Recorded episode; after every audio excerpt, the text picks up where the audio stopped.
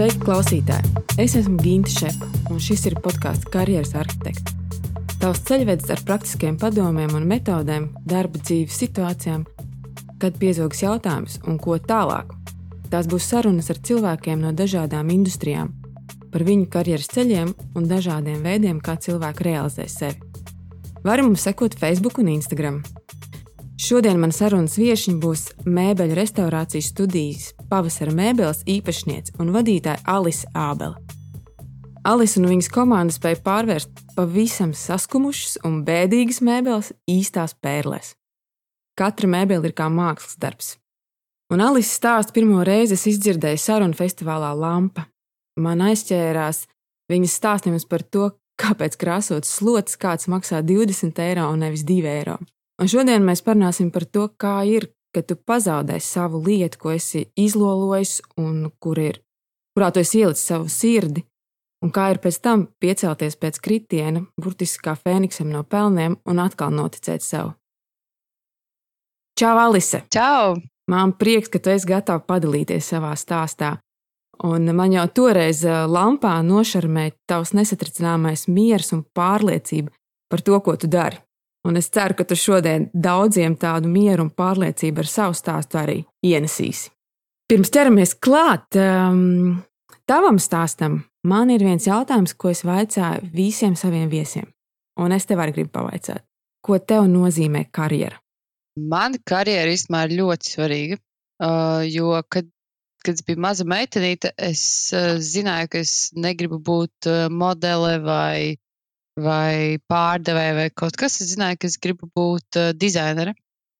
Un es to zināju oh, jau no. Tu jau zināji, bērnībā. Jā, es, uh, kamēr cits meitenes gribēja būt modelis, es zināju, ka es gribu būt dizaineris. Un uh, man karjera ir ļoti svarīga, bet uh, vienmēr esmu gājis ar tādu pārliecību, ka es te varētu veidot, mēģināt izveidot karjeru kāda cita uzņēmumā, jo es nekad neesmu jutusies ērti un pietiekami motivēti kādā citā uzņēmumā, lai varētu kā, būt pilnīgi vaļā, radoši un visādīgi citādīgi, lai augtu, tā teikt, eh, un ietu augstāk par karjeras kāpnēm. Un, uh, man karjera ir svarīga, un kā es pēc smējos, ka uh, es esmu talantīga pašpasludinātās profesijās, kas būtībā īsti varbūt pat nav īstas. Nu, varbūt ne īstas, bet varbūt eh, nav ierastas, kā arī šajā gadījumā, kas ir šobrīd uh, mana profesija, uh, mēbeļu atjaunošana nav īsti tas standarts, pie kā cilvēki ir pieraduši. Līdz ar to ir grūti jau vien to saprast, un viss mūsu profils ir tik plašs, uh, Es smējos, ja man vajadzētu uztaisīt savu vizītkarti tieši profesionāli tikai sev, tad es rakstītu uh, vienradzis vai kaut kas tāds. tikai tāpēc, ka to nevar ietvert uh, pāris vārdos. Tu nevari ietvert vienkārši tur, nu, jā, es varu kā būt dizaineris, bet es neesmu tikai dizaineris. Un tad līdz ar to man ir svarīga tā karjera, bet man ir svarīgi, lai viņa būtu tik interesanta, ka tas ir bāzāms manai dvēselē, ne tikai kaut kas, uh, kaut kas bankas kontā. Līdz ar to tad, uh, nu, tas ir svarīgi, bet jau citā nozīmē. Ok, nu labi. Tad ar ko aizsākās tavs vienradža karjeras ceļš? Kur tu vari teikt, ka rekur, jā, šis bija mans sākums? Mans vispār sākums bija 19 gadu vecumā. Uh, pirms tam es jau esmu strādājis kaut kādiem 12 gadiem, nu, ļoti, ļoti maza vecuma, uh, daudz dažādās visādās vietās, un, uh, un nekad es neesmu jutusies ļoti labi vai tā, nu, patiesi laimīga. Un es zinu, ka ar to saskarās ļoti daudz cilvēki savā ikdienā katru dienu, bet uh, es vienkārši jutos ārkārtīgi nelaimīgi, tik nelaimīgi, ka man fiziski sāp ķermenis, galva un tā tālāk. Un uh, tad uh, laikā, kad es studēju kultūras koledžā reklāmu un sabiedriskās attiecības, uh, es kaut kā nevis nokļuvu līdz tam, ka es gribu veidot kaut ko savu. Nu, jo mans pēdējais darbs, uh, reāli pēdējais darbs bija nekustamo īpašumu mākleris. O, oh, cik interesanti. Es tev nevaru salikt kopā šīs divas lietas vispār. nu, jā, un man tas likās. Es tā kā gāju ar kaut kādu tādu pārliecību un kaut kādu tādu domu, ka es esmu talantīga runāšanā un tā tālāk, un uh, man tā kā padodas, un uh, tā, bet es līdz galam neticēju tam pašam produktam, ko mēs pārdevām. Līdz ar to man bija ārkārtīgi grūti sev piespiest iet uz ofisu katru dienu, runāt pa telefonu krieviski. Man ir ļoti liels problēmas ar krievu valodu. Es gribētu teikt, liels problēmas, bet, kā jau pirms teicu, nejūtos pārliecināta par savām spējām. Mm -hmm. Līdz ar mhm. to tad, uh, nu, es izvairos no tās runāšanas, jo man liekas, ka es vienkārši necienu to valodu. Un līdz ar to arī tur man bija līdzīgi, kad es īsti necēju tam produktam. Tad man likās, ka es vienkārši necienu savus kolēģus kaut kādā veidā. Tur esot tīri ķeksīša pēc, un tas bija mans pēdējais darbs. Tāds, un tad, jā, tad es domāju, kad, kad ir laiks kā, būt, būt, būt dizainerim, un īstenībā tas pamat reālais iemesls, es varu, protams, to visu izcukurot un teikt, ka es sajūtu milzīgu iedvesmas vilni, un es sāku patiesībā Viss bija par to, ka par finansiālām grūtībām, jo es apprecējos ļoti jauna, 19 gados, un, un negāju tik brīnišķīgi, kā es gribēju. Un tad sanāca tā, ka mums vispār nebija naudas un vajadzēja kaut ko domāt. Un, protams, kā jau jebkurš cilvēks. Ar tādu kreatīvismu piestienu, ka tu esi ielikts vislielākajā stresa, baiļu un uh, diskomforta situācijā, tu vari izdomāt jebko. Un tad es izdomāju, ok, kad vēl, ja ne, ja ne tagad, uh, sākt savu ideju, par būt dizainerim, un es tieši konkrēti gribēju taisīt aksesuārus, somas un tādas lietas, un nu, tādas košas, neraksturīgas, citādākas. Man tikai bija viena maza problēma. Es uh, nepratu ne šūt, ne fotografēt, uh, ne īsti mana angļu valoda bija tik labā līmenī, lai, nu, jo jāpiemina, ka sākotnēji ideja bija tirgot tieši etsy.com vietnē, kas ir interneta platforma dažādiem rokdarbiniekiem. Un ļoti labs tāds sākuma punkts, lai tīri bez investīcijām apskatītos, vai tos produktus un tev ideja vispār ir kā vērta. Un uh, tur es sāku, un, nu jā, un pagāja gan pusgads, kamēr es iemācījos šūt, iemācījos fotografēt tā, lai tas būtu tiešām pārdodami, kā arī uzrakstīt brīnišķīgi skaistus aprakstus un reāli pārdot savu produktu. Pagāja tieši pusgads līdz, man liekas, pirmajam pirkumam, bet uh, man ir tāda eksmē iekšā, man ir ideja, tad es uh, iešu līdz galam, līdz kamēr viņi būs pabeigti. Pat ja man stāvēs visi blakus un teiks, ka nu, tas noteikti neizdosies un tas noteikti nav nekā vērts. Jo es. Ah, tad tev ir tas spīts iekšā. Jā, es ticu, parādīt, es ticu vari, savai jā. idejai, uh, jo ir nu, tāds uh, čūjas ņuks un poņē. Uh, nu, tad uh, man ir tāds uh, ļoti, ļoti spēcīgs iekšā. Un tad, ja man ir tas čūjas, ka uh, šis ir kaut kas superīgs, tad tā arī reāli būs. Un, mm -hmm. uh, nu, tad, tad vēl es to nezināju.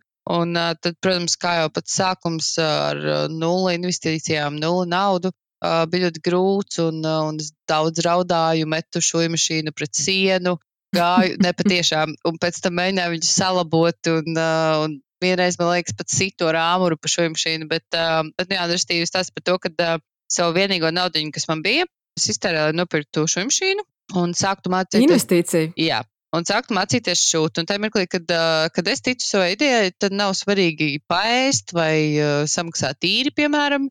Tad man svarīgi ir uh, izbīdīt to savu ideju, jo es zinu, ka tas kaut kas būs. Nu, lūk, un tad ļoti, ļoti grūtā ceļā es izveidoju kaut ko, kas sasniedz diezgan daudz. Un, uh... Es tev biju bišķiņa apstādināt, tā tad no brīža, kad tu sāki, tev bija ideja, līdz brīdim, kad tu tiki pie tās somiņas, ko tu biji gatava jau likt šajā platformā Etsy un tirgot, pagāja seši mēneši? Uh, nē, nu, tā mazāk, mazāk noteikti, jo, nu, pagāja, man liekas, kaut kādi divi mēneši līdz kaut kādam pirmajam produktam, uh, ņemot vērā, kad es tos produktus veidoju no tā, kas man bija pieejams, restīvi, omiņa, omiņas vecmāmiņas pūrlādes līni, paciņa ar divas paciņas ar batikas krāsām, kaut kāds mākslīgās ādas gabaliņš, kaut kāds īstās ādas gabaliņš. Tas bija ļoti, ļoti limitēts daudzums ar, ar izējuma materiāliem, no kā man vajadzēja izspiest kaut ko. Nu, es teikšu, izspiest, jo tā patiešām tas ir, ja tas tā tautas valodā runājot, bet, bet uh, radīt reālu pro produktu, produktus vairākus un uh, Nu, jā, es radīju vairākus produktus, viņus fotografēju, protams, un tā tālāk, bet uh, līdz kamēr tu aizies līdz kaut kam tādam, kas tiešām ir teikt, iemārka, iemārketēts klientam, kas izstāsta labi vizuāli un tiešām ataino to, kā viņš izskatās dzīvē, un kuram ir sulīgs, brīnišķīgs apraksts, paiet tomēr kaut kāds laiks, jo tās pirmās bildes uh, neveļus kaut kad uzskrēja virsū, man tiešām kauns palika. Jo tas, tās ilūzijas par to, nu, kā es tur uztaisīšu fotosesiju, tur manā gadījumā bija vecas uh, krievu grāmatas, uh, krievu rakstnieka grāmatas uh, komunālajā dzīvoklī, kurā es dzīvoju. Un tad viņas visas tika samestas uz zemes, un es tur vārtījos pa virsmu tām grāmatām. Bija kaut kādas krepapīra puķes un kaut kādi auskari un somiņas rokā. Nu, tagad, protams, liekas komiski, bet tajā sekundē es ticēju, ka this is the real deal. Kā, tas izskatās superīgi, tas ir forši, un tas mm -hmm. kā, mhm. noteikti būs tas moments, kas kā, vat, pacels mūs tur kaut kur kosmosā. Nu, tā nebija, protams. bet, Nē, bet izklausās ļoti radošs pieeja, tāds rīktīgi radošs stagings. Jā, jā, jā stagings, stagings, jā, stagings vienmēr bijis nopietns un uh, visās fotosesijās, mm. uh, bet um, nu, tur bija tas maģiks un man ļoti patika tas darbs tiešām. Un, uh, nu, līdz uh, stadijai, kad bija reāla studija un reāli darbinieki, pagāja divi ar pus, trīs gadi aptuveni. Uh, tikmēr es darīju visu vienu pati, piepalīdzēja viena meitene kā asistente uz kaut kādu puspusslodzi. Pus, Jo tev ir jābūt absolūti drošam, ka tu esi pietiekami finansiāli stabils, lai tu tagad ņemtu studiju, tur darbiniekus, pirkstu kaut kādas iekārtas. Protams, pamazām jā, es pārgāju no uh, bezkrāsaidiem, nesmukiem mādas gabaliem, ko man kāds ir atdevis, uz uh, jauniem, pirktiem, milzīgiem ruļļiem, baķiem ar ādu un tā tālāk. Un, uh, nu jā, un uh, būtībā neskatoties uz mans uh, audzinātais matemātikas skolotājs uh, ieplāno to un tā tālāk, ka es esmu abs absolūti netalantīga matemātikā. Pat kā sanāca, ka man ļoti strādā uh, tāda strateģiska, loģiska domāšana, lai es varētu uzkonstruēt somas un dažādas lietas.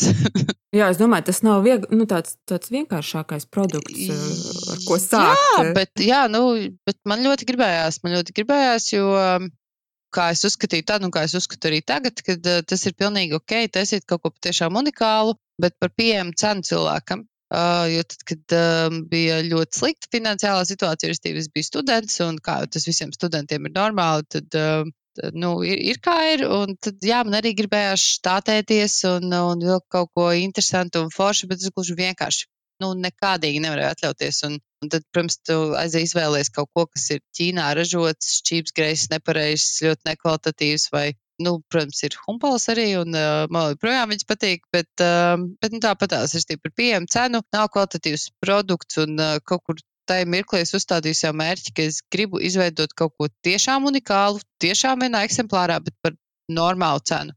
Un um, tā tas viss kaut kā arī jā, kristalizējās un radās, uh, radās tajā. Un pēc tam jau bija darbinieki un telpas un studijas un, un, un šuvējas, un viss tas tā kaut kā griezās ātri un ripoja. Un, uh, kolekcijas, un mēs taisījām nevis divas kolekcijas, piemēram, gadā, bet četras. Uh, katrai bija fotosesija, mm. kur uh, mums bija make-up meitene, šoferis, uh, asistenti un fotogrāfi. Un mēs vienkārši braucām kaut kādos krūmos Un, jā, patiešām. Un tajos krūmos mēs pēc situācijas, ok, mums ir tropiskā vasaras fotosesija, labi aizbraucam liepājā karostā krūmos, mums līdzi ir uh, papārdas kaut kādas nopirktas tur uh, ziedu salonā. Ja? Divas meitenes tur papārdas fonā, es esmu modele vai tur kāda cita meitene ir modele un reāli izskatās, ka tu esi tropos. Uh, tagad tas stagings, viņš vienmēr ir bijis ritīgi, ritīgi nopietns. Un, mm -hmm. un tas... Bet tas radošums nepazūd, klausies no komunālā dzīvokļa līdz krūmēm karostā. Jā, līdz krūmēm karostā, tur ar sasistiem kokosriekstiem foniņā un izmētā bildu kolosā. Man vēl joprojām ir Facebook, Facebook profila bilde, kas ir karostas krūmi. Es guļu uz zāles, man ir rudi, rudi mati, tur kaut kādi tur ziedi matos un tur kaut kādi tur spīduļi kaut kas, bet uh, Man ir fonā kokosrieksti, kuri turpat blakus uz asfalta ir šķaidīti pret asfaltu. Nu, sapirkt mm -hmm. rimčikā.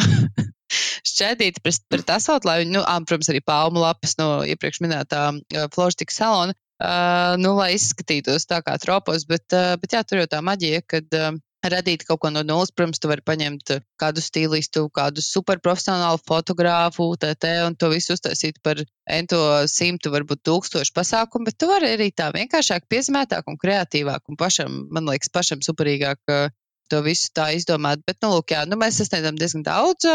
Ne gluži Latvijā, jo mēs strādājam uz eksportu tikai un vienīgi, bet sasniedzām daudz tur. Taču ir lietas, ko dzīvē nevar prognozēt. Un, man jau kādu laiku atpakaļ bija tāda doma, ka, ok, mums ir viens, nu, palielam viens tirzniecības kanāls, kas notiks, ja kaut kas mainīsies. Vai vajadzētu laicīgi sākt meklēt vēl kādu, vai kā? Es domāju, nē, būs jau labi, mums iet ļoti labi, dzīvojam cepur kuldam, viss forši, domāju, varbūt rūpnīcu attaisīt vai kā.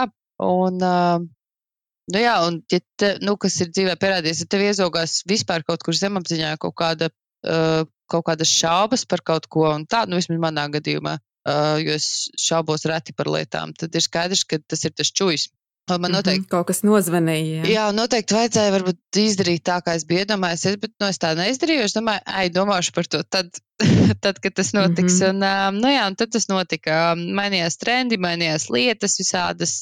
Nebija vairs svarīga mode un, un uh, būt skaistam vai trendīgam, bija svarīgi būt veselīgam, ceļot daudz, zīro veist, pirkt mazāk un tā tālāk. Un tad līdz ar to tas viss tā naturāli pamazām nobeidzās, un mēs uh, sarukām mazāk un mazāk, un, un pamazām no kāda bija jāatvadās, un, un no kaut kādām idejām bija jāatvadās. Un beig beigās palikām es un mana labākā draudzene, kas bija arī mana labākā roka.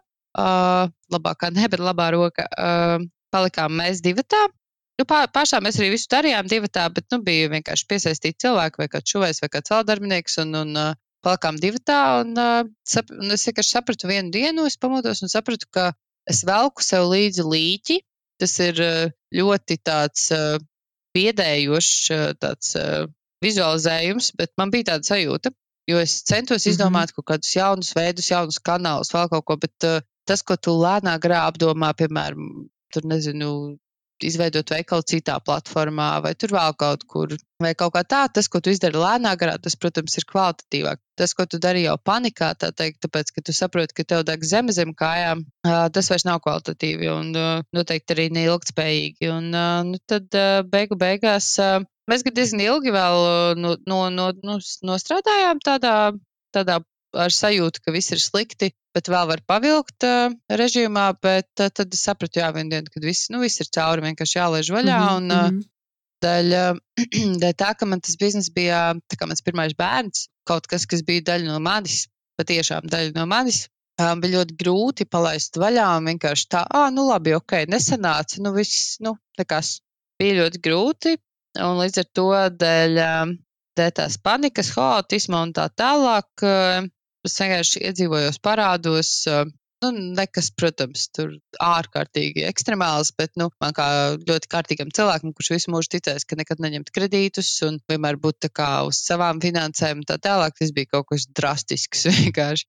Un, nu jā, un tad, tad jā, uz, uz sekundi jūties nepašpārliecināts. Tā liekas, ka bācis tikko man likās, ka es esmu, nezinu, pasaules virsotnē, un tagad man liekas, ka es esmu vienkārši kaut kur zem zemes. Uh, Jā.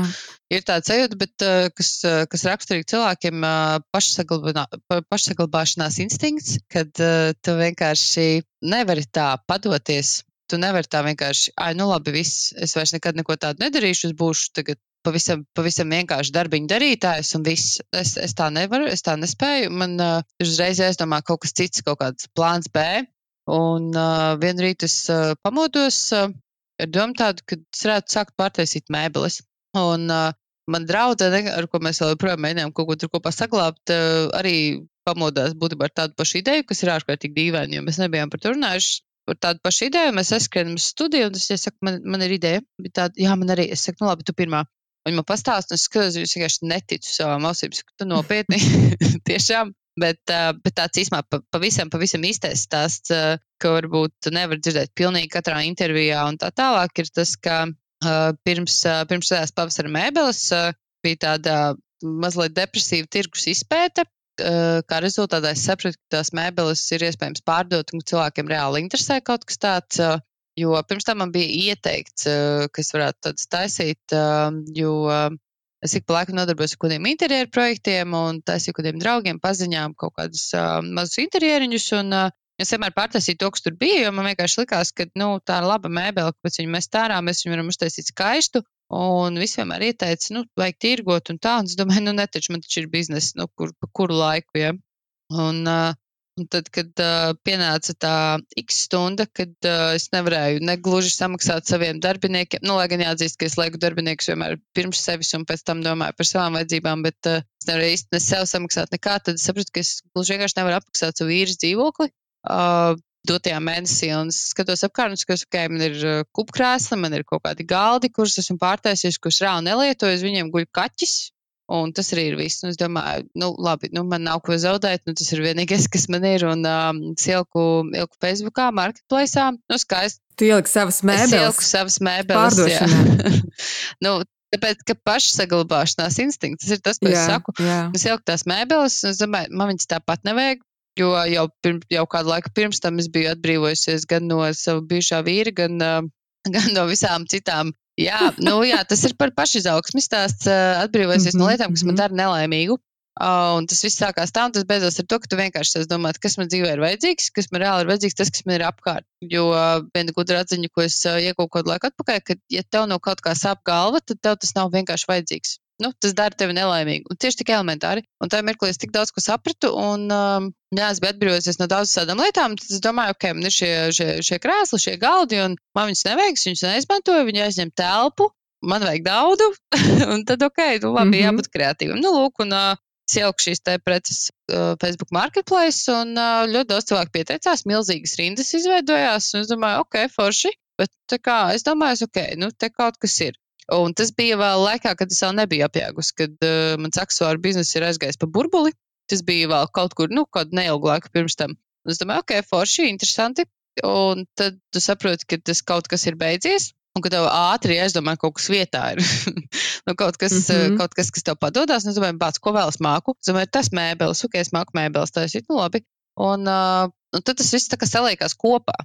Jo uh, ir tās nianses, ir tie notikumi, ir tās uh, mazās lietas, uh, kas visu laiku ikdienā notiek, un tu nekad īsti tā neaizdomājies, jā, ka šis ir kaut kas vērtīgs, bet tad pēkšņi vienā rītā tu pamosties, un tas viss vienkārši sanāk kopā, kā skudru pūzes, un tu saproti, ka, ok, jā, tas, tas ir tas, kas ir jādara. Un... Tev bija tavas prasmes, tu mācēji atjaunot mēbeles, un kādam to vajadzēja, un kāds bija gatavs maksāt par to. Tieši tā, un, un pusēl uh, par cik bija viss iepriekšējais fonds, tad izveidot jaunu brendu, uh, visu brandingu, logo, visus, uh, nezinu, tur saukļus, tēlu un vispārējo, tas prasīja reāli dienu maksimums. Uh, jo tev ir tā milzīgā pieredze ar to, kā pārdot uh, lietas vizuāli, nevis pārdot viņus uz vietas, nu, kā, kā ietirgot Jā. kaut ko cilvēkam, kurš nemaz nevar aptaustīt. Tā ir man diezgan liela māksla. Uh, jo, jo, ja cilvēks ir atnākt, nu, arī mūsu gadījumā bieži nāk cilvēki saka, ka, wow, uz vietas izskatās tik daudz reizes superīgāk. Protams, ja tu nevari noķert visu to krāšu gammas esenciju, formas esenciju bildē, bet tu vari mēģināt. Un par cik bija jau viss tās iemaņas, tad tas viss kaut kā tā ļoti viegli nāca. Uh, nu, tā, tā kopā salikšana, tā ideja, tas vizuālais, tā doma. Un, uh, jā, es jau aizrunājos tagad diezgan daudz. Tu saki, ka stop. Nē, nē, nē, ļoti interesants detaļs. Tā tad diena pagāja, kad tu izveidoji savu vizuālo identitāti tam jauniem projektiem. Uh, no, novalidēji savas preces, pieprasījumu tirgu, pārdevi pats savus mēbeles. Jā. Jā, um, un tā tapa radās pavasara mēbeles. Tā radās pavasara ja? mēbeles. Būtībā no paša sākuma biju, biju es un uh, bija mana labākā draudzene. Viņa ar tapsēšanu nodarbojās, es tieši ar krāsošanu to visu. Un, uh, Tas, uh, protams, jā, bija jau kaut kāds iemaņas pirms tam, bet nebija tā, ka tu tagad zini pilnīgi visu, jo zināt, pilnīgi viss ir nereāli. Uh, tīpaši, ja tu neesi studējis par to mācījies, tev nav bijis tāds padziļināts tas. Um, tas... Jā, šis arī bija jautājums.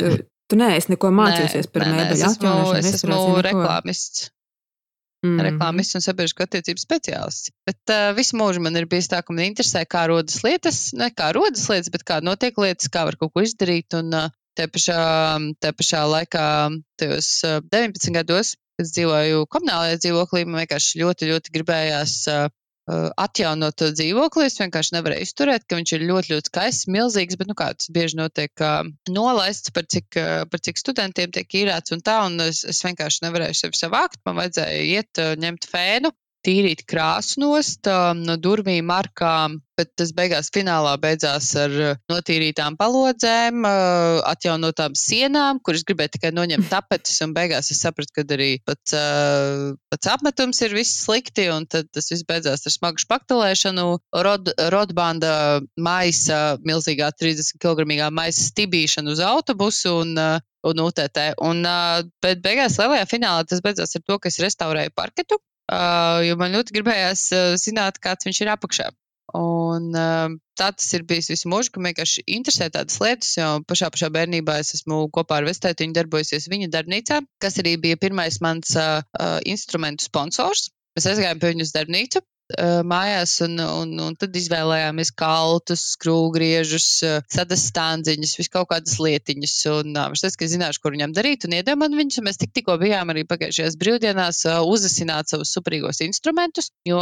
Brīnišķīgi pie saviem sponsoriem. Ja? Jā, bet, uh, bet tas ir pats brīnišķīgākais, ka mani sponsori ir mani vecāki, jo viņi ir, uh, manuprāt, tādi, tādi kas visvairāk tic ticējuši man un manām lietām, jo arī opītam nekad nav žēl iedot man instrumentu vai, vai parunāt par tādām lietām. Jo viņš zina, ka zināšu, ko darīt ar to instrumentu, un kad es, ja vajadzēs, es viņu atgādāšu tādu pašu skaistu atpakaļ, un cik skaisti nolietot, protams, bet tādu pašu mm -hmm. atpakaļ, un, un cienīšu viņa mantas, un, un mana vecmāmiņa, kur jau mūžībā aizgājusi, viņa, viņa ir pirmais pavasara mebeļu investors, Uh, jo ir diezgan, manuprāt, viegli radīt uh, jaunu biznesu uz uh, nulles fona, bet ir ļoti grūti radīt viņu uz mīnusu fona, ka tev ir daudz, daudz mīnusi, nu, kā parādi un tā tālāk. Un tad tev jā, tagad jā. Uh, jāiegādājās, jā, tur, nezinu, kaut vai krāsas, gruntas, instrumenti, pašas, pašas mēbeles, vispārējais. Un, uh, un tas viss diezgan nereāli. Un viņi zināja, ka man ir tāds grūts laiks un ka es tur cīnos ar, ar, savu, ar savu identitāti un visu pārējo. Un uh, man iedeva 20 eiro un teica, ka tu zini, ko ar viņiem izdarīt, lai viņi tev uztaisītu vēl naudiņu.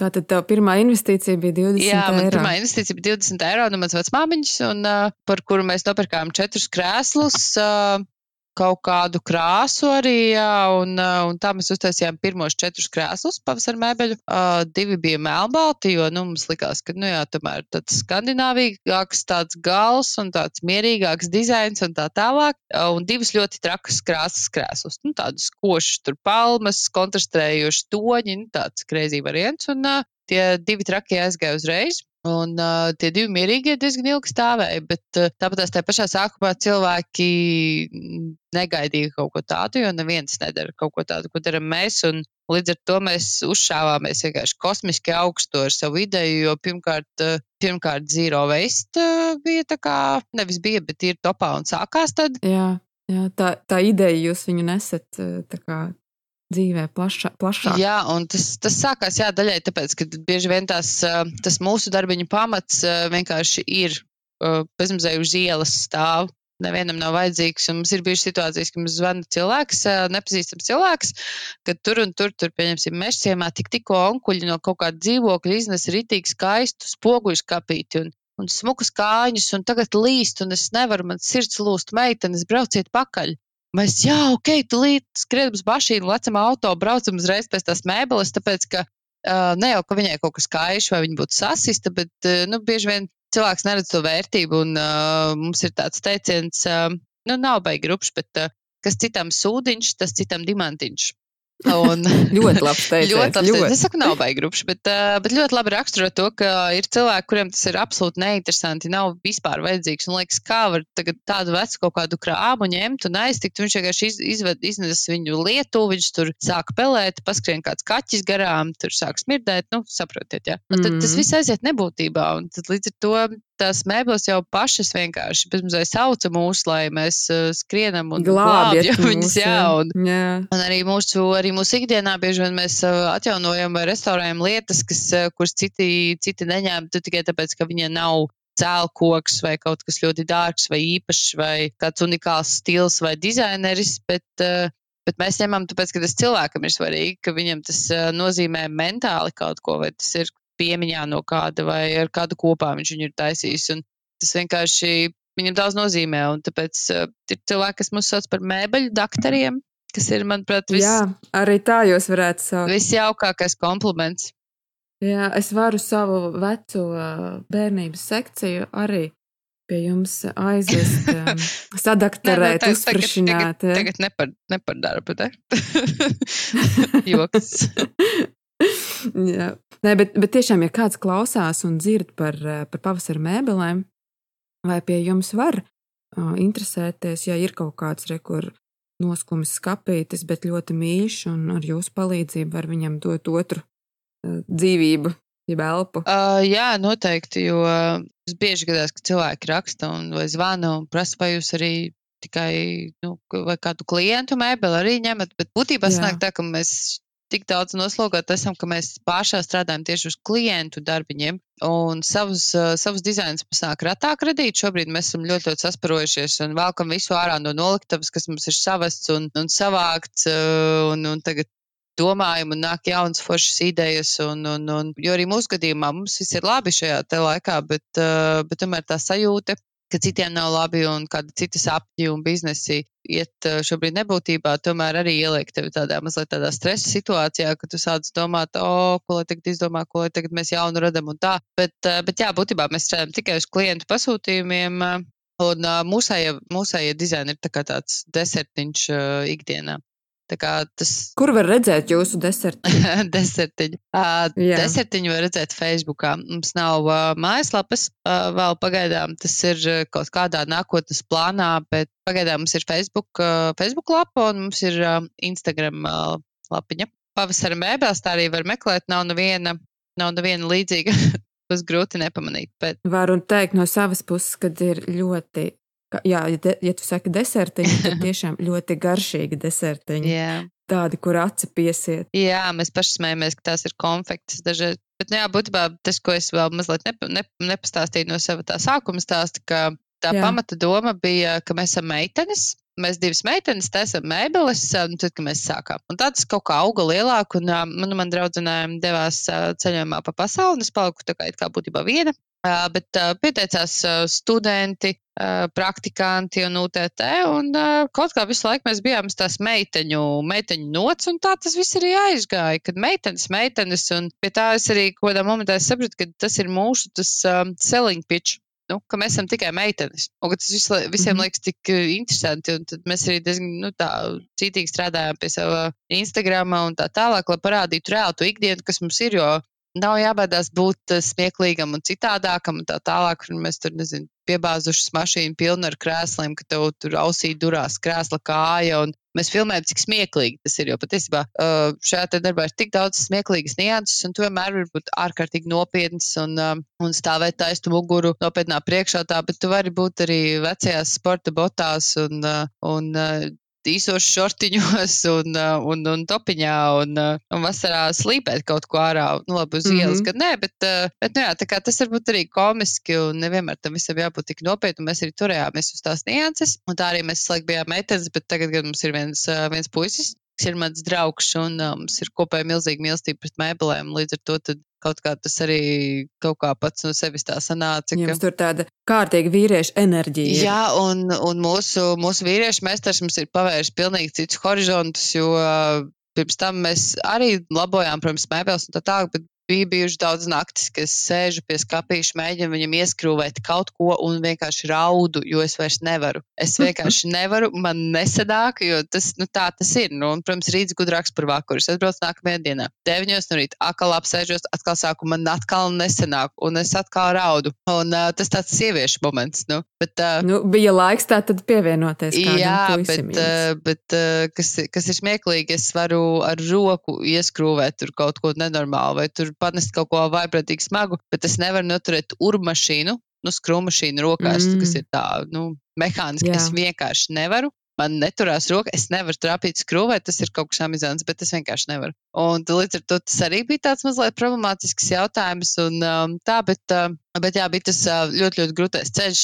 Draudzenēs brauc prom, un es paliku tā kā viena pati pamatā. Nu, protams, kāds praktikants kaut kas, bet pa lielam tu esi viens pats. Uh, milzīgajās studijās, starp citu, kas bija palikusi no pagājušā biznesa, nu, kur gan mēs īrējām, uh, bet nu, tāpat tās viņi bija trešajā stāvā. Līdz ar to visas šīs mēbeles mēs nesām uz trešo stāvu, uh. kur mēs viņus atjaunojam, un nabaga krāvēji viņas nesa lejā no trešā stāva. Nu, pārsvarā krāvēji ved, piemēram, klientiem mājas mēbeles, un viņiem jānes no trešā stāva. Viņi vienmēr spļaudījās un dusmojās, un, un vēl kaut ko. Un, un man likās, ka tas ir nebeidzams aplis, ka mūsu tajā gadījumā, ka mēs varētu finansiāli paņemt, pieņemsim, kaut kādas tur piemērotākas telpas, tur pirmajā stāvā un tā tālāk, ja mēs varētu uztaisīt vairāk mēbeles, kuras mēs nevaram uztaisīt, tāpēc, ka mums nav pirmais stāvs. Nu, vai man doma bija viegli saprast, bet. Uh, Drusku tāds aburtais lokus. Aburtais lokus ja? bija sanācis, un likās, ka mēs nekad netiksim ārā no tā trešā stāva, bet tad notika kaut kas brīnišķīgs. Uh, paziņas, uh, nu, tad pat draugi uh, deva brīnišķīgu iespēju pievienoties viņu telpām uh, pirmajā stāvā. Un, uh, kas mūsu tā draudzība neizveidojās tāpēc, ka tur aprēķins vai kaut kas, bet vienkārši tāpēc, ka esmu vienmēr ļoti atvērts cilvēks, man patīk runāt un draudzēties ar visiem, motivēt, visus iedrošināt, darīt savas lietas. Un pirms daudziem gadiem es iedrošināju uh, vienu meiteni tiešām ņemt grožu savās rokās un sākt to savu biznesu un turpināt to savu ideju un virzīt viņu. Un, un pagāja x gadi, un uh, viņi man atdeva atpakaļ ar to, ko viņi varēja, ar pusi no savām telpām, pirmajā stāvā uz īri uh, kas vienkārši brīnišķīgi, kā, kā tā karma darbojas. Un, uh, nu, tāpat nepiedomājot, protams, pie tā.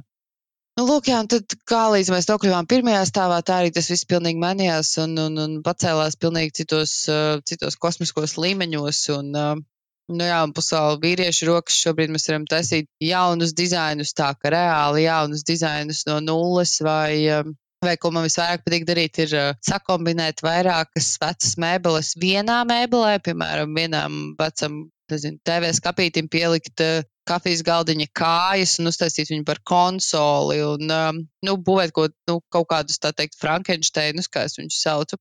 Uh, kaut ko tādu, kas ir pilnīgi netipisks, kas tiešām tādā gadījumā ir unikāls, bet uh, tomēr neaiziet postā tās vecās mēbeles. Jo, ko man patīk uzsvērt, ir tas, ka uh, tas nav tikai bizness, uh, tas tomēr ir par to, ka mēs domājam zaļāk, un uh, tā, ka mēs domājam zaļāk, mēs uh, arī esmu, uh, esam kā uh, aprits ekonomikas uh, advokāti mazliet, jo uh, mēs mazliet pastaigājam uz konferencēm un stāstam iedvesmojam cilvēkus, kā var dzīvi padarīt zaļāku vienkārši mazliet piedomājot pie tā, ko mēs varam atstāt no tā, kas mums ir. Piemēram, arī mūsu gadījumā mēs varam paņemt, aizbraukt pie cilvēkiem pēc kaut kādām mēbelēm, un tik, tikko mēs bijām pēc daudz mēbelēm, un es skatos, viņiem ir saskaldītas čupas ar mēbelēm, mētājās pagalmā, un ai, tās viņiem nevajag. Es skatos to čupu, un es skatos, tur ir kājiņas, mēbeļu kājiņas. Un tu vēl cērā tās un es kājiņas, saku, es paņemšu tās kājiņas no čupas, un, protams, ka tie puiši smējās par mani. Jā, jā, ej, ej uz miskasti. Un tā nav miskasti, tā ir, nu, viņu teritorijā sētā, nu, saskaldīt mēbeļu čupu, un es saprotu, tur nav nekas smirdīgs, tur nav nekas traks. Es pasaucu draugu ar skrūvgriezi, un mēs vienkārši ejam noskrūvēt kājas, tāpēc, ka tās mēs pieliksim kaut kam citam, kas ir žitīgi, superīgs un skaists, bet nav, nav pietiekami augsts, mēs pieliksim viņam klātās kājas. Un, uh, tas arī tas foršais, tāpat kā iepriekšējā biznesā bija uh, fotosesiju taisīšana no kaut kādas nulles vai kaut kādos nepie, nepiemērotos uh, fonos, tad uh, šajā gadījumā tā ir mēbeļu taisīšana no nulles, no nekā vai kaut kā, kas varbūt citam šķiet uh, neizmantojams vairāk. Un tur ir tā maģija. Mm. Un tāpēc mums patīk iedvesmot cilvēkus vienkārši, vienkārši divreiz padomāt par lietām mājās, eh, kas ir, un padomāt citādāk par, par to mantojumu, kas mums ir apkārt, nevis nomainīt viņu pret kaut ko, kas ir masu produkcija, bet varbūt tomēr atstāt to ļoti vērtīgo un, eh, un ārkārtīgi skaisto. Es aizrunājos atkal. Nē, nē, nē, nē tiešām ļoti, ļoti labs aicinājums uh, padomāt un, un paskatīties tām lietām, kas mums jau ir, un varbūt tiešām Nav jāmeklē kārtējais eh, ķeblītis vai, vai skapītis, bet to pašu jau esošo var skaisti atkal Jā, kas, atdzīvināt. Kas ir ārkārtīgi, manuprāt, ironiski, ka ir cilvēki, kas nesaprot, protams, mūsu, jo pamatā mēs sākām, un arī paši ikdienā vairāk pārtaisim tieši padomu laika mēbeles, jo viņas ir ārkārtīgi izturīgas, viņas vienkārši ir neglītas, un uh, izmantojot speciālus līdzekļus, tehnikas un savas zināšanas, mēs viņus apstrādājam tā, ka viņas var nokrāsot un viss ir skaisti. Un, un ir tādi, kas iesmēja par mums, jā, nu, kad nu, padomu laiku tur sekcijas pārtais, haha, kuram tādas tagad ir vajadzīgas. Bet, ja mēs paskatāmies to, kas mūsdienās notiek pērkot masu produkcijas, visas vienādās mēbeles, jo ir tikai pāris veikali, no kuriem visi pērk lietas. Tas ir mazliet ironiski, ja senāk bija tur, nezinu, sekciju komplekts Laila, piemēram, man šķiet, ka reāli tā ir. Ja? Bija taču vairākas tās jā, jā, jā, jā Laila un tur, tur vēl kaut kādi. Uh, un, uh, ja senāk bija tādi, tad tagad ir um, skandināviskos vārdos uh, mm -hmm. nu, citi. Un, uh, un arī šobrīd ir viens un tas pats cilvēkiem mājās, tikai mazliet skaistākā manierē un uh, mazliet vairāk ar to dizainu piegaršu. Nu, saprast, pēc no... gadiem 20 uz šīm pašām mēbelēm kāds cits skatīsies un arī teiks, kas tās pa vecām. Jā. Mazliet ironiski ir tas, ka tās mēbeles neizturēs 20 gadus. Jā, tas mm, gan. Kas arī ir iemesls, kāpēc mēs daļai arī taisām mēbeles, atjaunojam viņas, jo viņas ir kārtīgas, viņas ir izturīgas un pat tās, pat tās pesimistiskās padomu laika mēbeles. Nu, es nerunāju varbūt par milzīgām sekcijām, tās ir diezgan pagrūti uztaisīt, vizuāli ļoti skaists, bet Viņa ir laba, viņa ir stingra, jo tajā laikā to visu būvēja nu, tā, lai tas turās. Tagad tā kā tomēr tā kvalitāte ir pilnīgi cita, jo tas ir priekš patērētāja sabiedrības, līdz ar to kaut kas, kas ir ilgs. Mēs ātrāk vairāk tērēt. Jā, un mm. ir cilvēki, kam šis, šis piesitiens liekas kolosāls. Viņi saka, man patīk. Ot saplīst tas 5 eiro galdiņš. Nu, nekas, es izmetu miskastē, es ņemu nākamo. Jā, ok, protams, jā, nu viņš maksā 5 eiro, jā, viņš saplīst pēc nākamo, bet cik milzīgu nospiedumu tas atstāja mūsu, uh, mūsu CO2 pēdā, tā kā cik milzīgs ir tas nospiedums. Viens tas galdiņš, uh, viens tas galdiņš tik daudz izmaksā dabai. Nu, tas ir. Jā. vienkārši ne, par ko mēs neaizdomājamies. Par ko mēs neaizdomājamies, jā. Nu. Mm. Jā, Klau, man vēl tev jāvaicā, ir, jo es zinu, ka tas nav tikai stāsts par mēbeļu atjaunošanu, bet tu vēl kaut ko savā studijā dari. Jūs arī mācat uh, citus, kā atjaunot mēbeles. Tev ir kursi, seminārs, kā to saukt. Uh, Darbnīca, kā tu pati to esi? Jā, šis tā neplānoti notika.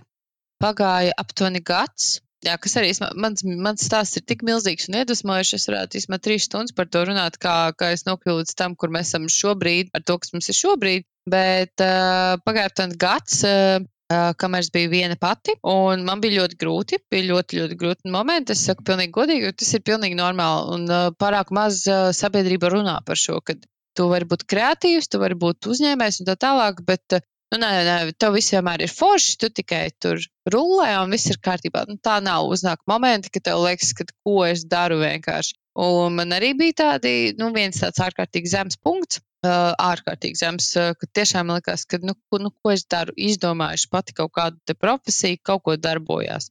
Un es domāju, ok, labi, es meklēšu citu darbu. Un es ieju uh, nu, tā pašā ss.com un, un skatos, un es saprotu, ka es īstenībā nekam nedaru. Es daru tikai tam, ko es esmu izdomājusi.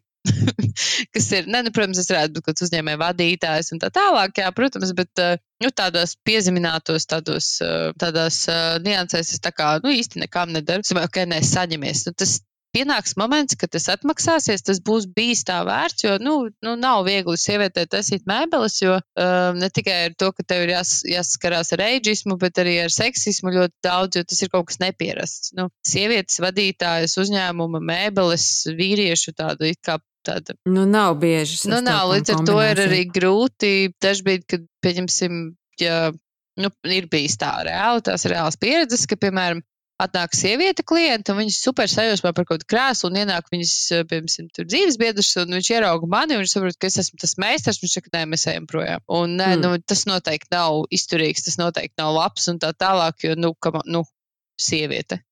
Un, uh, un tad, jā, tad tā kā sasparojies, un tev liekas, ko tu runā, veci? Bet, uh, Bet, protams, ka sāpīgi. Un šādi momenti sakrājas, un tev liekas, nu, kur tas viss iet, kā, kur tas viss man vedīs. Bet uh, es vēl ticu tam, ka viss, kas mums dzīvē notiek, notiek ar domu, jo tam ir, tam ir reāli doma kaut kāda dzīvē, kāpēc tas ir noticis, jo tas tev vedīs pie kaut kāda iznākuma. Un šajā gadījumā uh, pagāja tas grūtais periods, un uh, man uzrunāja Tikurīlas uh, mācību centra vadītājs. Vadīt vieslekcijas tieši par mēbeļu atjaunošanu, jo es esmu profesionāls šajā jomā. Man liekas, wow, wow, profesionāls, tā kā es neesmu tam gatava. nu, kāds no malas tev ir tomēr pamanījis, novērtējis. Tieši un, tā, un... tas ir par to, es taisu savas mēbeles, es taisu klientu mēbeles, un tas ir mans portfolio. Neapzināti, bet tas ir mans portfolio, kā es parādu to, ko es protu, kā, kā strādā manas smadzenes, kā es izmantoju inovācijas, savā labā un tā tālāk. Viņš bija sekojis mums kādu laiku, nu, tiešām tā kā visiem mums Instagram storijiem, visam, visam tā kā izgājis cauri visam tam, ko mēs ikdienā darām un kā mēs darām. Un uh, viņš saprata, ka, jā, ok, šis tā kā atbilst. Un uh, mums bija tikšanās, un viņš saka, jā, nu, janvārī vai, vai februārī sāksim kursus, un tu būsi vieslektors. Es domāju, wow, ok, nu, labi. Nu, protams, man čoks nereāls, un, protams, mazliet baili, jo, protams, tev sēž pretī auditorija, kurā ir vismaz 15 jā, vīrieši, un nav, un nav tā, ka es tur nezinu, jūtos baidos no vīriešiem vai ko tā, bet es zinu, ka tā pirmā reakcija, tā sākumā bija tāda, ka, nu, bāc, mums stāv pretī jauns skuķēns, ko viņa mums tieši pastāstīs. Var... un, uh, un mana automātiskā reakcija ir nevis tāda, ka o, viss tagad nobīstos. Nu, tā bija pirmā reize. Es tiešām biju ļoti sastrēsojusies, jo man ļoti svarīgi ir pasniegt pēc iespējas kvalitatīvāku to saturu savā tekstā, lai viņš būtu tiešām, tiešām, tiešām iedvesmojošs, tiešām vērtīgs un, un UTT. Un, nu jā, un tā pirmā reize es ārkārtīgi satraukusies, bet pēc tam es sapratu, ka man ir interesanti. Man ir interesanti skatos uz tiem, uz tiem vīriešiem, bet tas neesmu tagad kaut kāda vīriešu nīdē vai kaut kā tā, bet nu, tas tomēr ir, tas, tas ir stereotips, ka sievietes netaisa mēbeles. Un es skatos to viņas sejas izteikšu no paša sākuma ar tādu, ka, nu, ok, nu, meitā, nu, nu ko. Un pēc tam, kad viņi man nāk klāt pēc lekcijas, viņi saka, wow, superīgi, nu, tik superīgi, un prasa padomu, un stāsta, cik kolosāli tas viss ir, un dāvina grāmatas un saldumus, un es vispār prātam neaturam. Man likās, wow, wow, kas notiek? Un, un, un tas moments, kad tu saproti, ka tu esi uzrunājis to cilvēku, un viņš saprot, ka, tas, tas, ka tu tiešām zini, ko tu dari. Tajā mirklī tu pats saproti, ka, ej, bet es zinu, ko es daru.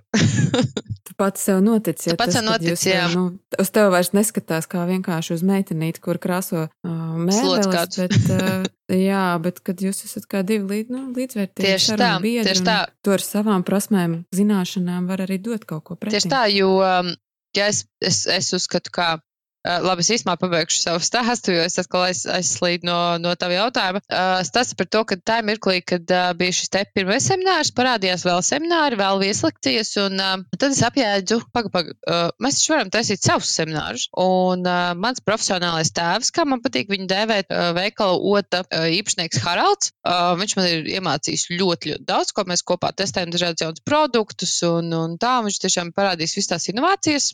Tas ir krāsu veikals, kas, kas ir man mājai ap stūri, kur es visu laiku pērku visas krāsas, visu, kas man ikdienā ir vajadzīgs, jo tas ir nu, ērti un blakus. Un viņš pa laikam izmet joku. Nu, nāc taču, nu, runā otrs stāvs mums ir, tur galds kaut kas, nu, stāsti savu to, nu, māci cilvēkus. Un es domāju, ka viņš mm -hmm. joko. Tajā momentā, godīgi, man likās, ka viņš ir darbinieks. Es nedomāju, ka viņš ir īpašnieks.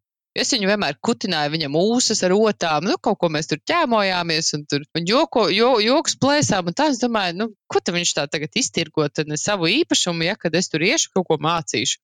Un tad vienu rītu es aizskrēju pie viņas, saku, man ir ideja, es varētu savus seminārus taisīt. Es saku, tu vari pajautāt īpašniekam, vai es varu tur augšā. Viņš stāv, skatās uz mani, blisina acis. Viņš saka, bet es esmu īpašnieks. Bet pagaidi, tu nezināji, ka tev tēvam ir veikals? nē, nē, nē, nē, nē, nē, jo, nu, Mēs vienmēr saku, nu, es esmu jauka un draudzīga un atvērta, tāpēc, ka es gribu tādu būt, nevis tāpēc, ka man ir mērķis. Un viņš tāds pats arī tāds ar humoru cilvēks, un tā mēs kaut kā tur visu laiku tur komunicējam, katru dienu es tur krāsu veikalu, pļāpājam, visu forši. Man vienkārši likās, ka viņš ir veikala vadītājs. Un ka viņš tur par tām telpām joko otrajā stāvā. Un beigās viņš saka, bet es taču esmu īpašnieks. Nu, taču ej un taisi. Ne, kolosāli ģimeni jūs esat. Jā, nē, nē, viņš nav mans īstais tēvs. Nē, nē. Ah, es domāju, jo tu teici, ne, profesionālais tēvs. Viņš ir mans profesionāls tēvs. Okay, nē, nē, nē tas ir kaut kas cits. Jā, tavs... nē, nē, mm -hmm, profesionālais mm -hmm. tēvs, un jo viņš man ir iemācījis visu, ko es zinu. Ne visu, bet ļoti, ļoti lielu procentu no tā, ko es zinu, tīri par uh, to, kā strādā, kas uz kā, kāpēc, kas tas ir, ko tur vajag. Un, nu, ah, viņš nians. ir bijis tavs nu, mentors. Mentors, jā, tā varētu būt moderni būt mentors. Mm -hmm, mm -hmm. Un, uh, un, un es domāju, ok, tāps man ir zināšanas man ir. Nu, protams, es ļoti iespringu pie uh, programmas izstrādes, jo man, kā es pirmie minēju, ļoti, ļoti svarīgi, lai tas saturs būtu pēc iespējas kvalitatīvāks. Un aptuveni pirms gada, man liekas, uh, bija jau vairāk kā pirms gada, bija pirmais seminārs, un viņš bija pilns. Visi viņi bija pilni. Jūs arī kaut kāds 10 cilvēks, 10, 15 cilvēks, man liekas, maksimums paņemt, un visi nāca un seminārs par draudzīgu cenu, par mēbeļu atjaunošanu, kuras vārījos vienkārši kaut kādu stundu ar pusi no vietas, stundu ar pusi mēs praktiski darbojamies, kaut ko pamācāmies, jo man liekas, ka forši ir seminārs, bet vajag kaut ko reāli praktiski. Ja cilvēki rakstīja prasīja meistarklases, bet meistarklases tas ir tas tik ilgs pasākums, ka tev sāk prasīt neadekvātu ciparu cilvēkam. Par to man tas nelikās īsti ok. Tāpēc uh, tu idejas tā atstāju aizmugurē. Bet, nu, jā, sākās viss ar semināriem. Pirmā semināra programma, otrā, trešā. Un daudz semināru ļoti regulāri notiek visu laiku pilni. Es domāju, ka tas ir tik forši. Nu, kāpēc ne? Un tā es satiku, vasarā sāku meklēt asistenti. Satiku asistenti savā seminārā. Oh, jā, arī neparasti. Jā, man ļoti daudz intervijas, ļoti daudz cilvēku pieteicās, un es nejūtu nevienu tādu, kas varētu saprast mani no pusvārda, jo bieži vien darba dunājas nav tā, ka ļoti sakarīgi pasaku kaut ko. Un nu, tā kāds, kas var nu, būt ar mani uz vienu viļņu un uzreiz saprast. Un kaut kā mēs tur tā, jā, tur tā seminārā parunājām, pēc tam sazvanījāmies un tā, un viss forši, un super viņi pieņem darbā. Viņa arī tāda radoša, un nu, kaut ko mēs runājam, viņa saka, paklau, vai kaut ko foršu vasarā izdomāt. Nu, tieši mājas un viss saulaini, es domāju, nu jā, kaut kādu pasākumu vajadzētu. Pēkšņi kaut kur rodas ideja, kaut kādā muižā varētu meistarklases semināru kaut ko, un es saku, vai taisam muižā nometni. Oh. Kaut kā hihi, ha, ha, un ok, nu labi. Asistenti paņem telefonu, paņem handfree, ieliek handfree un sāk zvanīt. Sveiki, šeit Ines no pavasara mēbelēm. Tralalā, tralalā. Un vienkārši, nu, bez jebkādām tur, kas nu būs, vai kāds pieteiksies, vai kādam interesēs. Jo tas ir tās bailes, ko nevajag laist galvā iekšā. Jo mēs viņus vienkārši nelaižam. Mums liekas, ka ok, mums ir foršas lietas, ko pastāstīt. Cilvēkiem patīk.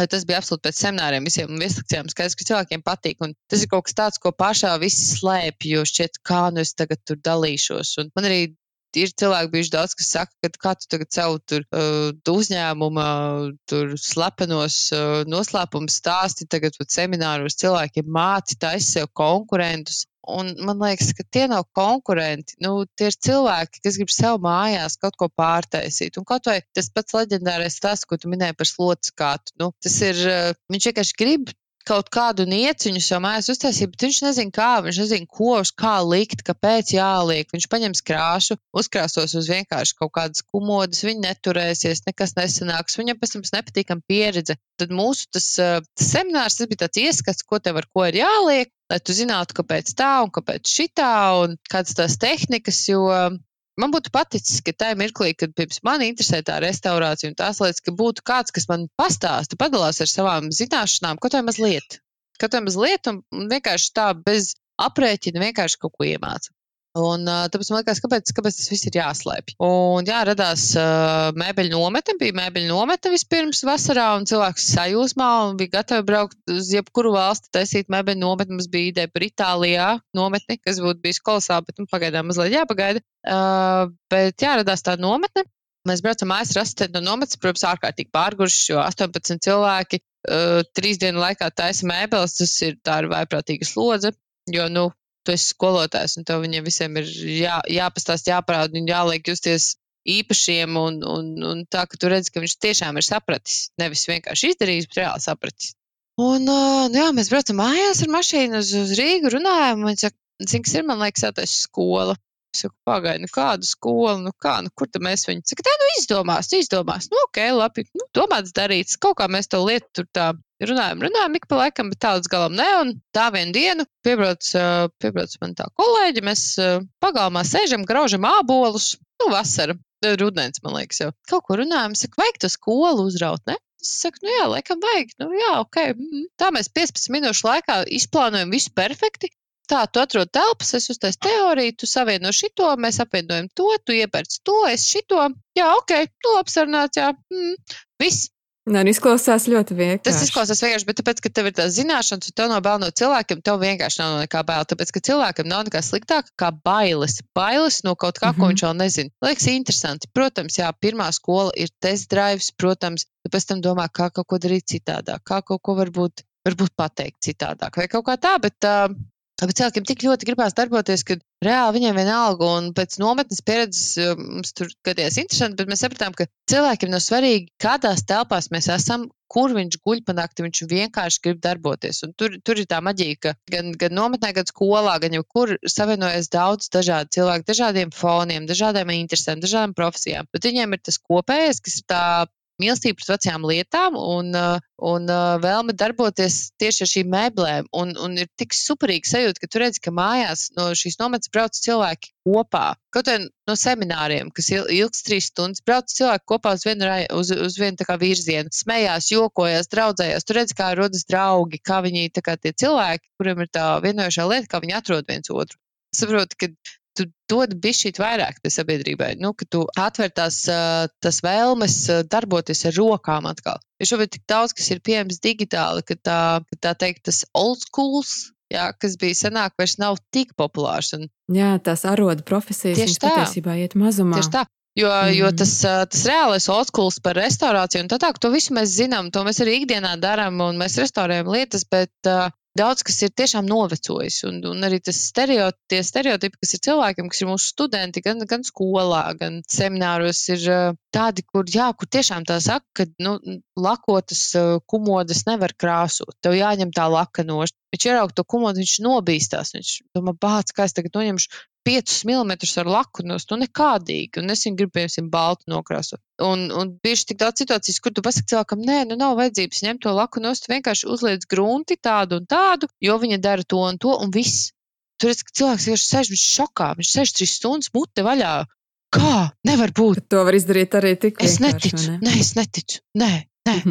un, uh, kas gan ir gan plus, gan mīnus, jo dažreiz arī ar klientiem runājot, mums uh, ir tāds uh, tad sajūta arī klientam ir sajūta, ka kaut kas nebūs eh, kvalitatīvi izdarīts, jo tur taču ir tā laka.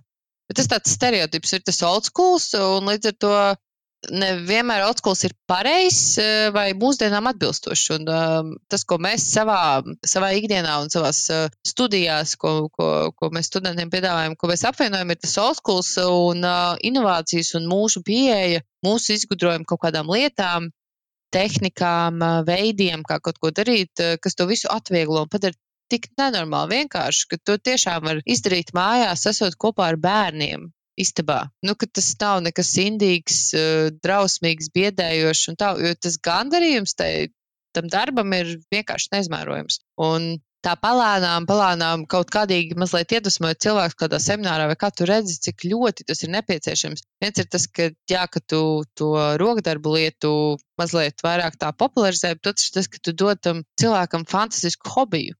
Jā, jo arī skolās un visur, kur nu, mēs vienkārši aprunājamies, mums ir tāds open space politika, ka mēs vienkārši runājam par visu kaut ko. Ja ir jautājums, mēs runājam, mēs runājam par visu. Un uh, mēs runājam ar tiem cilvēkiem, un daudziem uh, tas ir kā tāds pieturas punkts starp uh, aizgāju no darba, meklēju, kur es eju, vai, vai man ir oficiāls darbs, un es sēžu nekustīgs visu laiku, bet man gribās, bet man ir bail. Un, un tas ir tas moments, kur tu tam cilvēkam dod to iedvesmu, tu viņam saki, bet tu taču vari, tas, tas nav nekas nereāls. Nevis tu to uztaisi kā, o, tas ir ne, neiespējami, tas ir ļoti, ļoti dārgi, jā, tas tu pats nevarēsi izdarīt, ved mums. Jā, protams, mēs varētu arī to klientu mēbeles taisīt, bet mēs, mēs jau gribam viņus iedvesmot pašiem to darīt. Jo tas ir tik kolosāli. Un tik, tikko bija viena sieviete, kas uh, pieteikusies nākamajai skolai, kur, diemžēl, mēs vēl nezinām, kas konkrēti būs, bet uh, arī skolas mums šobrīd, nu, pirms visas šīs situācijas notika katru mēnesi, un grupas piepildījās uzreiz, un viss pilns, un visi grib nākt, un cilvēkiem patīk mācīties. Un, un tā, bet, uh, nu, jā, viņi tik, tikko bija, un viņi iegādājās mēbeli, Un viņa jautā jautājums, cik tur tādu lielāku mēbeli atjaunot un tā, cik tur maksā, kā, jā, ok, es varētu atvest savu. Es viņai saku, nē, nē, nē, draudziņ, tu nāksi pie mums uz skolu. Un tu pati iemācīsies. Pat? Es saku, es tev mēbeli netaisīšu, tu pati iemācīsies, mēs tev iemācīsim visu, kas, ko, kāpēc, un tu pati varēsi to izdarīt. Un viņa ir rītīgi priecīga. Viņa smaida, viņa saka, jā, nu es ceru, es ceru, ka es varēšu pati. Jo tas ir, nu, it kā kādam šķiet, tur, ai, kas tur tāds, bet Vismaz tas ir tāds gandarījums, kaut ko tādu izdarīt, kaut ko, kas šķiet tiešām novecojis, nevajadzīgs un, un briesmīgs, vienkārši uztaisīt par kaut ko kolosālu. Tas ir tiešām brīnišķīgi. Es klausos un klausies man pašai jau. Nu, Tā kā, nezinu, āķis jau iemetās, kad varbūt, kad man arī vajadzētu aiziet pie tevis Protams. un iemācīties, jā, kā, kā, kā pārkrāsot kādu mēbeli.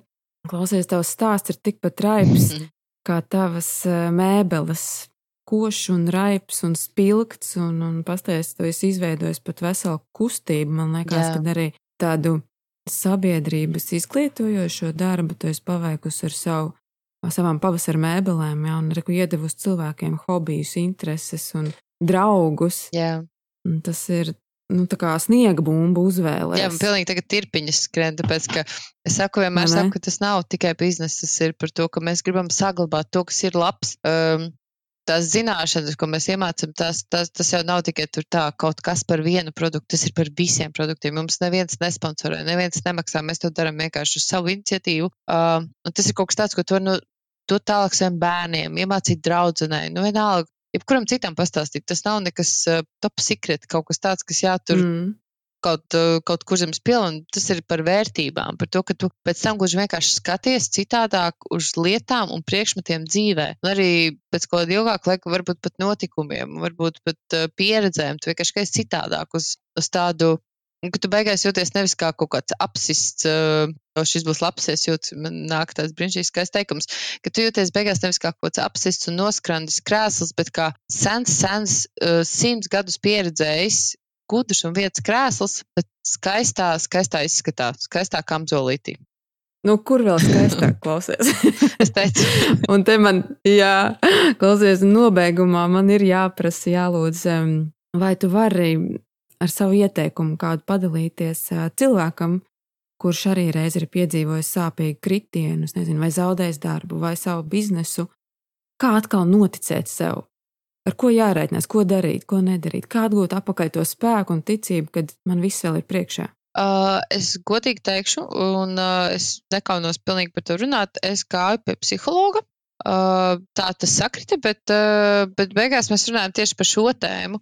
Un, uh, es, uh, tas, protams, ir ārkārtīgi individuāli at, nu, atkarīgs no cilvēka, bet uh, es uzskatīju tā, ka es tagad uh, palaidu vējā vienu biznesu, un tā ir kļūda. Un es neesmu pret nevienu darbinieku tik prasīga, kā es esmu pret sevi pati. Vienmēr ir bijis ārkārtīgi strikts darba grafiks, eh, prasības režīms un tā tālāk. Tas nav tā, ka es tur guļu līdz 12. un kā, bet vienmēr ļoti strikta pret sevi un, un uzreiz automātām likās, kā es tagad, nu, nu tā, nu, tā angliski sakot, tas ir fails, nu, ka tas ir super liels fails un uh, kā es tā varēju. Un uh, ir jāiemācās sev piedot, ka tā sanāca, jo tā ir pieredze. Un tad mm -hmm. nākamajā reizē tu zini, ka tā nevajag darīt. Nu, varbūt ne tā, bet, nu, varbūt jādara mazliet citādāk. Un uh, otra lieta ir tāda, ka viens ir, ka tā ir pieredze, otrkārt, otrkārt bailes. Ja pirms tam man nebija bail, visas idejas vienkārši bija un es viņas realizēju, tad uh, pēc bankrota man bija briesmīgi bail. Likās, ka, oh, paga, paga, paga. Tā. Ir tāda, nu, tāda iespēja vai man vajag, vai man nevajag, vai tas ir gudri, vai tas nav gudri. Un es sāku visu laiku kā uh, questioningot, apstrīdēt visu, kas nāk manā galvā, vai tā ir pareizi vai nav pareizi. Un es pazaudēju to savu čuju, uh, kas man laik bija, jo es sāku kā redzēt problemātiskas situācijas tur, kur viņas arī visticamākais, ka nebija. Un tad uh, tajā momentā ir jāsaprot, ka sev ir jāieliek nevis kaut kādās tur važās un jānosoda par to, ka tu esi tā izdarījis, bet sevi vajag atalgot par to, ka tu tiki tam cauri, uh, tu esi to izdzīvojis, tu esi no tā kaut ko sapratis, kas ir vissvarīgākais. Tu saprati, ka varbūt, uh, nu, saprati, vienalga, nav no puses, bet tu saprati savas kļūdas, tu saprati, varbūt, ka tu pret sevi varbūt nebija godīgs tajā momentā vai tajā, un, un, un, un kā tu attiecies pret citiem, vai nu vienalga, bet tu saprati savas kļūdas, tu esi sev piedevis, un tu vari to skaļi atzīt. Nevis tu slēpi, ka tā ir noticis, jo man tas palīdzēja. Tas, kad es tur klusiņā dzinos ar sevi cauri savā galvā par to visu, man palika tikai sliktāk. Tad, kad es uh, publiski kaut vai kaut kādā postā, Instagramā, kur man patīk dažreiz arī jā, nu, savā personīgajā par kaut kādām tādām dziļākām lietām parunāt, patīk, kas sanāk vairāk, tad, uh, tad es arī atzīstu, ka jā, tas notika, bet tas viss ir ok. Tas ir pilnīgi ok, mm -hmm. jo mhm. tas padara mani vienkārši, nu, tieši tik klišēs, tas padara mani stiprāku, tas padara mani gudrāku. Galvenokārt gudrāku, tas, tas vienkārši liek man pacelties jau citā līmenī. Un svarīgi ir to atzīt un no tā nekaunēties, ka, ja es bankrotēju vai ja es zaudēju savu darbu, tas viss ir ok, jo tā ir iespēja. Jo katra tāda lieta ir iespēja sākt kaut ko citu, tikai tev ir bijis jāredz, kas ir tas cits. Vai tā ir cita karjera, vai, vai tas ir cits bizness, vai tas ir kas, bet vienkārši ir kaut kas cits. Un es nekad mūžā neesmu jutusies tik laimīga, kā es jūtos šobrīd. Jo senāk man likās, ka, jā, nu, protams, pelnīju daudz milzīgāku naudu, strādājot ar ārzemēm, un, uh, un tas viss bija daudz vieglāk, jo accessori nav tas pats, kas mēbeles lielgabarīta, bet, uh, bet es katru dienu gāju uz darbu, bija absolūti vienmužs darbs, es biju dizaineris, vadītājs UTT, bet visu laiku viens un tas pats. Es esmu varbūt kaut kas ārzemēs, bet es esmu nekas Latvijā. Un, jā, tur cilvēkiem patīk bildes, UTT, bet tu, ja tieši tā, tu nevienu neiedvesmo, tu nevienam nedod kaut ko vairāk, tu viņam dod skaistu accessoru, un tas arī ir viss strādājot šajā darbā, es sapratu, ka katra diena ir pilnīgs piedzīvojums. Tu nekad nezini, kā, kā viņa beigsies, kas pēkšņi notiks, kā tas viss izvērtīsies, un tas viss tieši tā iet kā sniega bumba. Līdz ar to tik laimīgi, cik es tagad jūtos, es ne, noteikti nejūtos pirms tam. Bet tas nekad nebūtu noticis, ja, ne, tieši nu, tā, ja nebūtu tas ceļš. Tieši tā, un, un tu, tur jau ir tā maģija, jo arī tad tajā darbā bija jau pārāk daudz spriedzes, un tad tam sāk jau tiešām, tiešām fiziski jau sāk nejusties labi un laimīgi. Un tad šis, kas ir šeit, šis ir kaut kas vienkāršs. Es saku, pašpasludināta profesija, kaut kas, kaut kas netipisks. Un tāpēc, ja kam, kas mums dzīvē notiek, tam ir plāns un tam ir reāls mērķis, vienalga, vai tas ir kaut kas labs, vai tas ir kaut kas slikts. Kosmosam ir plāns priekš mums, un tas, kas notiek, Nu, pēc tam tas ir kaut kas slikts. Tas ir kosmosa eksāmens. Jā, šis izklausās mazliet seriāli, bet man patīk to tā saukt, un ļoti daudz cilvēku piekrīt. Uh, tas ir kosmosa eksāmens, pēc kura tev ir jāsaprot tavas kļūdas, uh, tavi ieguvumi, UTT, kas, eh, kas ir tas, kas tev, vai tu esi viņu nolicis to eksāmenu, vai tu neesi. Ja tu nebūsi viņu nolicis, tev būs tieši tāds pats, agri vai vēl būs tieši tāda pati situācija. Tas attiecināms gan uz karjeru, gan, gan uz biznesu, gan uz privāto dzīves, pilnīgi jebko. Un tad, kad tu noliec to eksāmenu, tad tu esi jau citā līmenī, un tev ir jau citi eksāmeni. Tas fakts kā tāds, mm -hmm. ka mhm. tu virzies kaut kur tālāk, kaut kur uz priekšu, kaut kur tur, kur tev patiesi ir jābūt. Un, ja pirms tam man likās, ka es noteikti savos 20 gadiņos varu teikt, ka es būšu visu, visu mūžu somu dizaineris, tad tagad esmu pilnīgi pārliecināta, ka es varu teikt, ka esmu vienradzis, bet es neesmu pārliecināta, ka es būšu, kas es būšu pēc diviem gadiem, vai trijiem, vai pieciem, vai desmit. Reāli tiešām nezinu, bet, uh, bet es nevaru sagaidīt, jo šis ir trakākais, tiešām trakākais brauciens manā dzīvē. Tu zini, man liekas, ka tu tiešām neapstāsies pie tā, kur tu esi šodien. Jo nu, tā bumba ir sākus vēlties, un tur nāk vēl, man liekas, idejas klāt, un tas viss tikai turpināsies un, un būs vēl kas ir mazliet amizanti. Man viens cilvēks teica, ka man nākotnē kā, iespējams vajadzētu būt politiķim. Kas ir smieklīgi, jo tam mirklī man likās, ko kāds sakars. Un uh, pagājušajā gadā, pārst gan, gan šogad, gan pagājušajā gadā pārstāvot, uh, pārstāvot Latviju uh, aprits ekonomikas konferencēs, es sapratu, ka man varbūt ka ir ko teikt. Man ir ko teikt, bet uh, es jūtos tik nomutēta tādā vidē, jo es esmu darītājs. Man ir ideja, man ir jāiet, jādara, es nevaru runāt par to, kā būtu, ja mēs darītu. Man vienkārši ir jāiet un jādara. Es sapratu, ja es būtu politiķis, es varētu kaut ko izdarīt citādāk. Un uh, tad mazliet sanāca smiekli par to, ka es atcerējos, kas, uh, kas man bija teikts. Bet es domāju, nē, nē pagaidām ne. Pagaidām es būšu nu, mēbeļu dizainers. bet nekad nesaka nekad, Protams, mēs zinām. Jā. Šis teiciens arī dažkārt mums nāk apakaļ. Oi, super, Alise, paldies tev milzīgs par tavu stāstu. Man liekas, ka um, tu ļoti labi arī iedevi tādu ticību cilvēkiem, kuriem varbūt šobrīd ir kaut kādas šaubas radušās par sevi, vai nu, ir pārdzīvojumi un tā, bet rekur tavs stāsts brīnišķīgs apliecinājums tam, ka nekas nebeidzās nu, pie vienas pieturas. Jā, mums gaida vēl citas un brīnišķīgas uh, pieturzīmes. Uh, brauciens. Tas ir brauciens. Jā, tas ir brauciens. Ideāli. Paldies, tev, milzīgs, Alīs. Es tev novēlu turpināt darboties eh, ar visām savām radošajām un neprātīgajām idejām, jo man ir kaut kāda tāda pārliecība, ka mēs par tevi vēl dabūsim dzirdēt. Droši vien. Jā, tā kā lai tev ir skaists pavasaris un eh, lai pavasara mēbeles turpina plaukt. Paldies, paldies, ka tu uzaicināji. Man tiešām prieks padalīties ar savu pieredzi un, uh, un visu to, kas man ir sakāms. Mhm. Super. Paldies. Tā. Čau!